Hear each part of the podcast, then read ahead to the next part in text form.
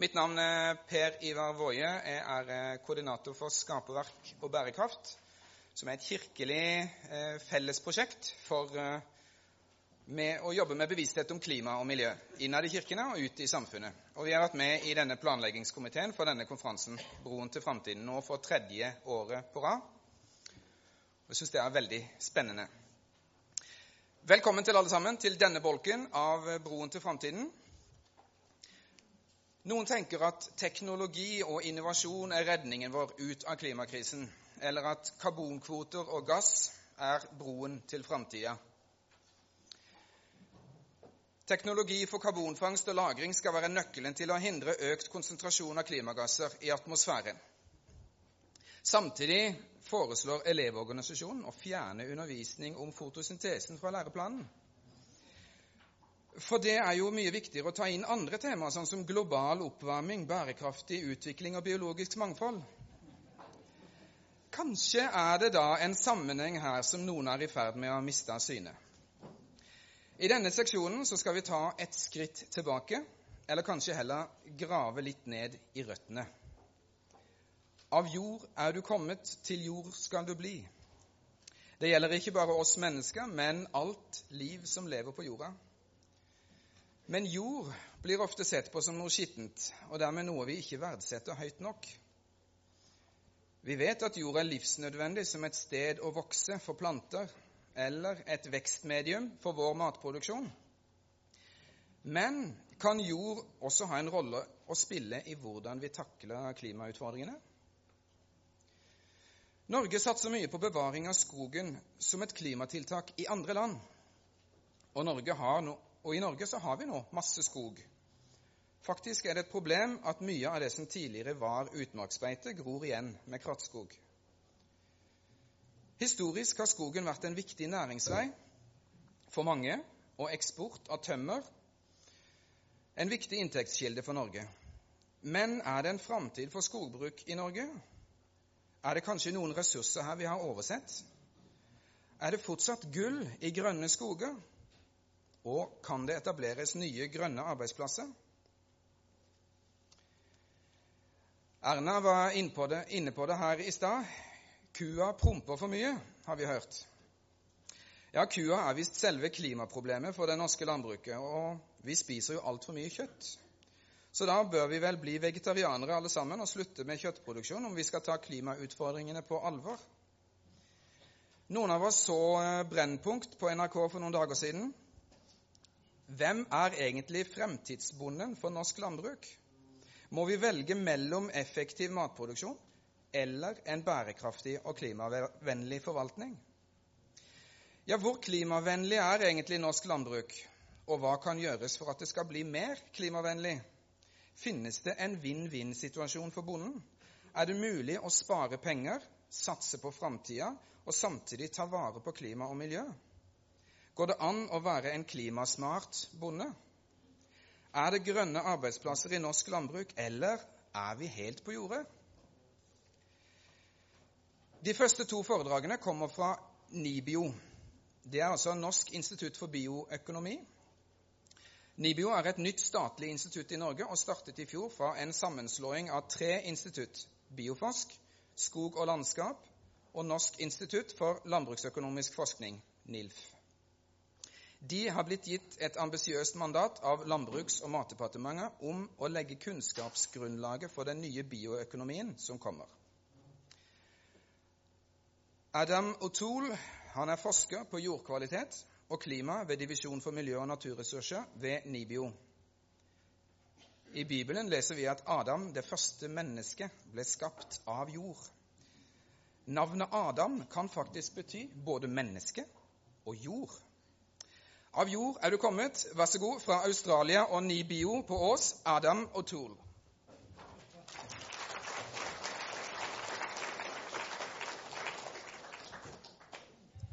Takk, Per Iver, for en fantastisk introduksjon. Og Det er en glede for meg å være her i dag med dere. Og jeg er veldig takknemlig for at dere valgte akkurat denne rommet her. For det, jeg håper at du er enig med meg og Per Iver og si at landbruk og skogbruk er virkelig en del av løsning til klimaproblemet.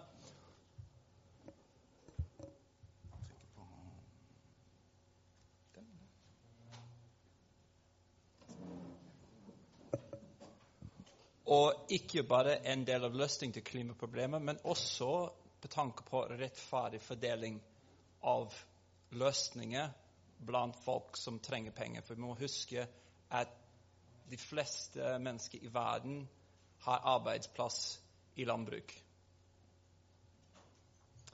I dag skal jeg snakke med dere om et klimatiltak innenfor landbruk og skogbruk som heter karbonfangst og -lagring i jorda. Og Det er et tema som vi har jobbet veldig mye på de siste syv år, og som vi mener er klar til implementering. Og Det er en viktig ting å tenke på, for vi, for vi må handle nå. Først, la oss se litt på den klimaproblemet som står foran oss. Den svarte linje som du ser, representerer historisk utslipp til nå. Det er der hvor vi står. Og det fire linjer i forskjellige farger, det viser fire mulige temperaturutviklinger som kan skje i løpet av det neste 84 år foran oss, dvs. Si til året 2100. Hvis vi fortsetter på den samme kurs som vi er på i dag på verdensbasis, så skal vi fortsette på den øverste stigning. Du ser kurset. Men heldigvis så skal vi hit. Og verden ble nylig enig i Paris at vi skal holde oss under to grader.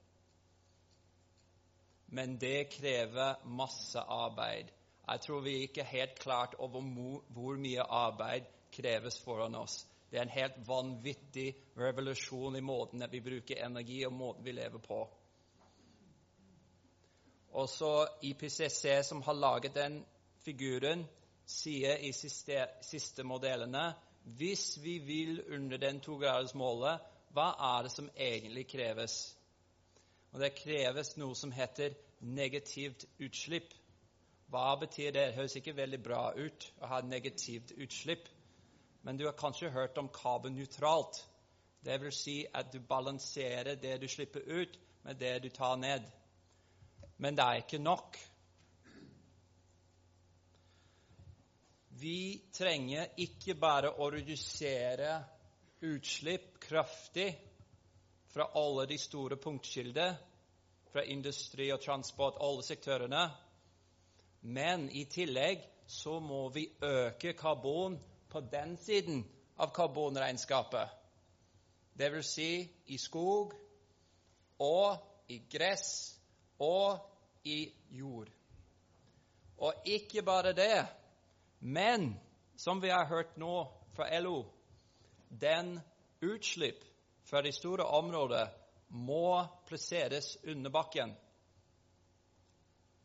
hvis vi skal klare å komme oss under togradersmålet.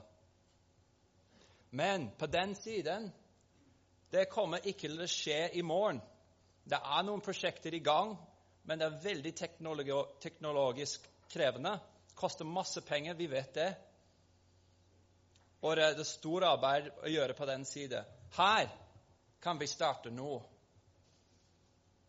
Det er naturen som funker på den siden. Det er biologi, det er solen, det er ting som vokser.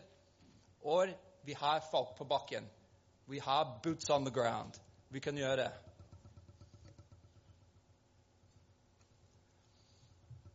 Og dette bildet her viser litt av potensial og risiko. I det første én meters dybde i jord så finnes det mer karbon i både alle vegetasjon, alle trær, alle plantene på landbasis og atmosfæren til sammen. Helt utrolig. Og det vil si alle permafrost, alle myrområder, alle de organiske jord som ligger under Indonesias skog, f.eks. Det har mer karbon i disse områdene i alt som er over bakken. Og det representerer både en risiko og en mulighet. En risiko i forhold til hvis vi ikke bevarer disse områdene, hvis vi ikke klarer å holde permafrost frossent, hvis vi fortsetter å grave opp myrområder, hvis vi fortsetter å plante palmeplantasjoner og dyrke opp myrområder i tropisk strøk, så ville karbon øke enda mer. Det er et stort fare.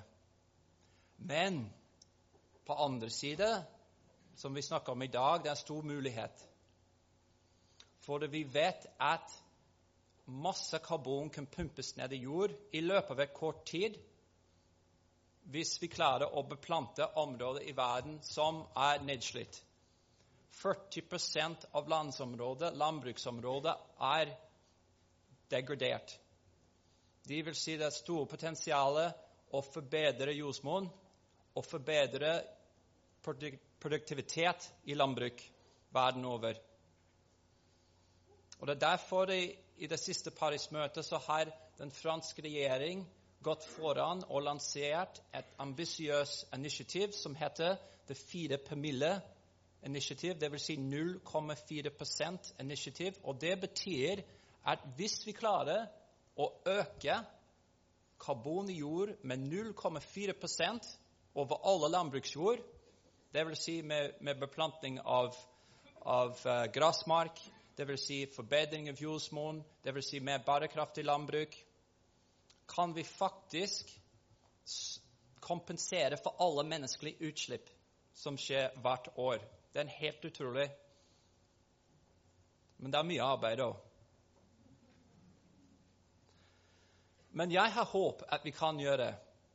Og det neste bildet skal vise deg en fantastisk eksempel av hva hadde blitt gjort før, og hva vi kunne ha gjort på en større skala. Dette er den Los Plateau i Kina. Du ser fargen til jorda. Det er en slags gulaktig jord. Og du har kanskje hørt begrepet 'den gule elven' i Kina. Og det er gul fordi når regnet kommer og alle jord renner ut i vassdraget, så blir vannet gul. I 1995 så satte i gang Kina og Verdensbank kanskje verdens mest ambisiøse restaureringsprosjekt for land i verdens historie. Og det kan si på norsk kanskje verdens største bakkeplaneringsprosjekt noen gang, hvis du er kjent med bakkeplanering fra 70-tallet i Norge. Og det vil si at hvor det var storhellinger, så planerte de ut terrasser og plantet årlige vekster. Og hvor det var storhellinger, så plantet de gress og trær. Det var stor innsats. Det trengte eksperter fra hele verden. Det trengte tusenvis av lokalbefolkning som måtte jobbe i lag. Det, det krevdes masse fra den kinesiske regjeringen, som måtte legge av måte at de tenkte på fordeling av ressurser. Men i løpet av 20 år, se hva skjedde. Dette er det samme området. Helt utrolig. Det var fordoblet avling. Det var masse inntekt for bønder. Hvis du hadde et område for tømte folk som måtte gå til, til, til byene for å skaffe seg en jobb, de begynte å komme tilbake. Bekkene og elvene begynte å renne igjen. Vassdrag ble bedre vannkvalitet. Folkene hadde mer penger til overs. Det, hele prosjektet kostet 250 millioner US dollar, og de fikk alle pengene tilbake og 30% avkastning på kapital. Så dette her, her kan vi gjøre, og det er lønnsomt. Og alt handler om å ta karbon som ligger i atmosfæren, bruker fotosyntese og pumper den karbon inn i landskapet, inn i jorda.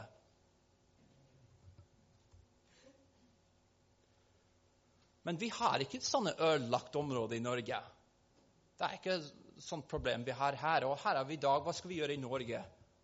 Hva slags løsninger trenger vi? Mye av den kunnskapen om å gjøre norsk landbruk mer klimavennlig og mer bærekraftig, og på den gangs skyld alle sektorer i Norge, er mest kjent allerede. Og I 2010 var det en stor rapport som ble skrevet som heter Klimakur 2020. Og Det beskriver i alle sektorer i Norge hva kan gjøres. Alle eksperter i alle sektorer var spurt hva kan vi gjøre. Og så vi ga dem svar. Her, det kunne gjøre sånn, sånn og sånn. Og rapporten ligger klart. Det har ligget klart i seks år. Men det er ikke nok å utrede ting. Vi kan tjene veldig godt penger i forskningsinstitutter og utrede ting. Og det kan gjerne betales penger. Men det hjelper ikke oss hvis vi skal komme til løsninger. Vi må bruke disse anbefalingene også. Og hva kom vi fram til i landbruk? Jo, det var flere ting. Det var biogass, det var bedre bruk av gjødsel, det var redusert bruk av fossilbruk. Og den, kanskje det største var biokull. Og det er et tema som jeg har jobbet mest på de siste årene. Og så nå driver jeg stipendiatforskning på det. Så hva er biokul, og hvordan kan den hjelpe i det norske landbruk å være mer klimavennlig? Biokul er et begrep som ble funnet opp, og egentlig kunne du like godt kalt det trekull. Selvfølgelig, Det ser ikke sånn trekull du ville brukt i grillen, men det trenger ikke være sånn. Det kan være finknust, det kan være hva som helst. Det er mer liggende jord enn trekull. Og hva er spesielt om biokull i klimaperspektiv? Og det, det er en unik egenskap med biokull er at karboninnholdet er, er, veldig motstandsdyktig til biologisk nedbrytning. Det vil si at når du tar biomasse og du gjør det om til biokull og setter den ned i jorda, så vil det være der i flere hundre år. I motsetning hvis du tar vanlig halm eller kompost eller noe sånt og legger det ned i jord Selvfølgelig er det en fantastisk jordforbedringsmiddel, men i forhold til klima så vil mesteparten av den CO2 gå tilbake til atmosfæren i løpet av noen få år. Så det vil si hvis du tok en del av det biomassen som finnes i Norge, f.eks. halm, dvs. Si, eh, skogsressurser, kanskje grenotopper Du må finne ting som kanskje har, har ikke et stort alternativ verdi, men er ikke i så mye bruk i dag. Hvis du tok en del av den biomassa og gjorde det om til biokull, så kunne du bevart ca. 50% av karboninnhold og gjort det stabilt i lang tid, sammenlignet med vanlig biomasse, som ligger på den nederste kurven. Det er veldig mye forskning som er gjort på det. Vi har en ph.d.-student som har jobbet fire år for å se hva skal til for å gjøre det stabilt. Det er vanvittig stor forskningsinnsats er blitt gjort verden over. Så vi er ganske sikre på dette vitenskap som ligger bak her. Og det er ikke noe nytt, egentlig. Kan vi stole på dette? Jo. Hvis du går inn til hvilken som helst norsk skog, så vil du finne sånne tilfeller. Vil si kokegroper hvor folk mange hundre år siden i, i Norge lagde mat, lagde store kjøttstykker brente bål i jord. Og så kokte seg mat sakte. De kullrester som var igjen i den prosess, er fortsatt der 800 år etterpå. Så det er liksom en bevis at ja, det er der. Vi vet det. Så hvordan, hvordan gjør man det? I dag ville man ikke gjort det ute i skogen i en hull. Men så ville jeg brukt noen fornuftig måte, en teknologi, for å gjøre det på en ren måte. Så du tar biomasse, du setter den gjennom en maskin som varmer opp biomasse med begrenset oksygen. En prosess som heter pyrolyse. Og du får omtrent ut to energiprodukter. Bioenergiprodukter og den faststoff biokull. Det har vært noen beregninger om hva potensial som er klimatiltak i verdenssammenheng, og i en, en Nature-artikkel som var publisert i 2010, så kom de fram til Hvis du tok alle de uh, tilgjengelige råstoffer som er uh, tok ut av naturen for en bærekraftig måte, som har lav alternativ bruk, kunne du kompensere for ca. 12% av årlige menneskeutslipp. Det er stort. Det er et stort bidrag det er ikke alt, men det er en del av løsningen. Men selvfølgelig er det bare en teoretisk beregning. Man må faktisk gjøre det. Det er mange muligheter jeg ser for meg for å implementere biokull og biokulsystemet, For det er egentlig en system i, i norsk landbruk og skogbruk. Og jeg ser for meg at vi kan lage et system hvor norske bønder kan bli betalt for lagring og for å gjøre den klimatjeneste. Og det ville mene en overføring av penger fra de som slipper ut karbon, til de som lagrer karbon. Det er å koble de to sider av den karbonregnskapet. Det er også muligheter innenfor den, selv den prosessen, pyrolyseprosessen, for å behandle forskjellige typer avfall. F.eks. avløpsslam, som finnes i store volumer. Det er også bioenergigevinster. Man kan få ut biovarme, bioolje. Og så det også finnes en rekke produkter som man kunne ha laget fra biokull. Både jordforbedringsmateriale, hagejord og nye produkter. Og du så på den presentasjonen fra, om Elkem med silisium, så akkurat i dag så ser de også på mulighet å erstatte koks, fossilt koks, som er brukt i produksjon av silisium, med trekull produsert i Norge. Så det ville vært en annen anvendelsesområde. Torvfri hagejord. Vi vet at torv er en ufornybar ressurs. Hvis du kjøper seks sekker for 200 kroner, det er en grunn til det. Derfor det er en billig ressurs. Det er en ufornybar ressurs som graves ut, settes i sekker og selges til forbrukere. Men det er en ressurs som ikke fornyes i naturen på den fort måten. Derfor kalles det en ufornybar ressurs. Men det også finnes på markedet i dag. Hvis du er villig til å betale litt ekstra, så kan du kjøpe deg en sekk med kompost eller andre materialer som er, kommer ikke fra torv. Så det vil si at torvfri hagejord. Og det har vi gjort ting på. Og det andre nye biomaterialet. Her ligger det mange muligheter for forretningsfolk, og forskere kommer med mange innovative løsninger. En som jeg har hørt om, er innblanding av kull i betong som en erstatning til plastfilamenter som er brukt for å brannsikre betong i tunneler. Vi på NIBIO vi jobber mest på agronomisk forskning og klimaforskning innenfor landbruk. Og det har vi jobbet på de siste syv år. Feltforsøk, testing på vekster og forskjellige bruksområder, f.eks. tørrvarerstatning.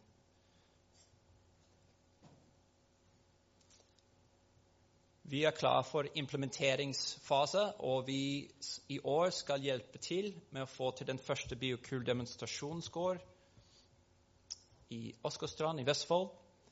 Og det ble et spennende prosjekt som er utsprang fra Idélab, Forskningsråds Idélab, og har en rekke partnere, Sintef, NMBU, Bygdeforskning og DNV.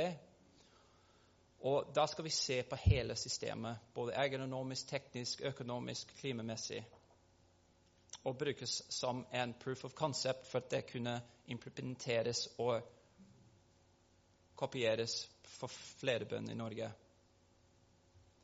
Men for å få dette til å gå rundt økonomisk for bønder som skal velge den løsningen, så trengs det et pris på karbon. Et pris for å ta ut den biokull og lagre i jorda. For ellers er det mange andre alternativer for biomasse. Og Det er to måter man kunne gjøre det. Det kunne vært statlige virkemidler. Det kunne vært gjennom det original miljøtilskudd som allerede gis til bøndene. Eller det kunne vært gjort gjennom en øremerking av CO2-skatt, som alle betaler i dag for bensinstoff, som kunne da kobles mot folk som er villige til å gjøre det motsatte. Ellers kunne vi også ha laget en frivillig ordning hvor forbrukere, de som slipper ut, du og meg, som slipper ut CO2, kan overføre penger til bonder for å gjøre den klimatjeneste. Og det har jeg veldig lyst til å få opp og gå, men vi trenger hjelp, fordi vi kan ikke gjøre det alene. Så jeg har veldig lyst å bruke den eh, for det her i dag. Hvis du synes den er en veldig god idé, så vil jeg gjerne invitere deg. Gå på den nettside, klimagården.no, med din interesse hvis du har spørsmål, hvis du kan bidra, hvis du er villig til å si til den bondesamfunnet i Norge ja, hvis det var på plass, så ville jeg ha vært villig til å betale min del. For alle skal redusere utslipp, men vi kommer ikke til å være karbonnøytralt med en gang. Så hvorfor ikke lage et system som kan gjøres i Norge? Trenger ikke kjøpe karbonkvoter i andre land, det kan gjøres rett her. La verdiskapning stå her først. Vi kan også gjøre en andre land, men la oss vise veien her først. Du kan til og med gå og besøke karbonet ditt på gården.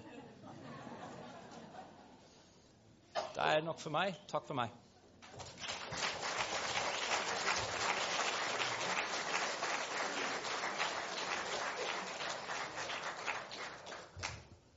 Nå kan det hende det er noen som har lyst til å komme med et spørsmål. Vi, har, vi er litt etter skjema, men vi kan gi rom for ett spørsmål nå, hvis det er noen som sitter og brenner inne med, med noe som de gjerne vil stille. Skal jeg forklare hva potensialet for hamp til biokulproduksjon er? det et spørsmål? Ok. Ja.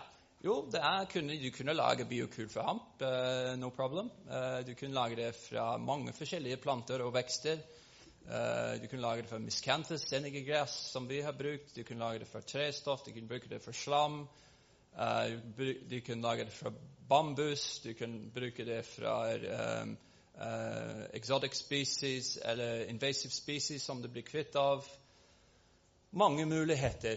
Jeg tror det poeng er at hvis du begynner å tenke at fotosyntese av nøkkelen, det er karbonfangstbiten, og begynner å ha litt fokus på det, det er fangstbiten. Og biokull, det er bare lagring, stabiliseringsbiten. Og de to henger veldig godt sammen. Så det er mange biologiske materialer som vi har i, i vår biologisk arv, som vi kan bruke i alle verdens deler for, for å fange karbon. Eh, får jeg få lov å ta et lite spørsmål? Eh, eh, Naturvernforbundet, Torstein Fellit fra Grenland. Eh, jeg har alltid trodd at når eh, skogsavfall, gress, eh, planter råtner og dør, så har jeg alltid trodd at karbonet går opp i lufta, atmosfæren. Men du sier at det går ned i bakken, eller hvordan er det? Det, det er begge deler. Det er begge deler. En mesteparten og Det kommer an på, på tidsperspektiv. Når vi snakker om klimaperspektiv, så har IPC sagt at hvis man skal lagre karbon, ta karbon ut fra atmosfæren, bør det gjøres over minst 100 år. Og så Når vi snakker om biomasser og ting som bryter seg i naturen, så er det en hel skala av nedbrytning. Og nedbrytning i nord, hvor det er kjølig klima, og hvor det er stor eh, lavere temperatur, så vil det gå saktere. Lenger du kommer ned til ekvator, så går det fortere. Så, så avhengig av hvor du er i verden, så ville den vært forskjellig. Eh, med skogen så, så, du har død biomasse, du har, eh, du har biomasse som råtner i jord, du har stående biomasse. Det er veldig komplekse. Jeg vil si I første omgang så ville halm fra landbruk være en mer sikre måte å gå, og det vi har utredet i Klimakur. for vi vet at det er lite alternativ verdi til det nå. Og vi også vet at det er en klimatiltak i seg sjøl å la skogen stå. Og for å vinne gevinster fra skogen så man også ta betraktning hva ville ha vært alternativ hvis vi hadde latt skogen stå. Så når man snakker om klimatiltak innenfor biologi, så må man alltid ha i bakhodet hva er alternativet, hva er baseline, og, og ta, ta, det derfra.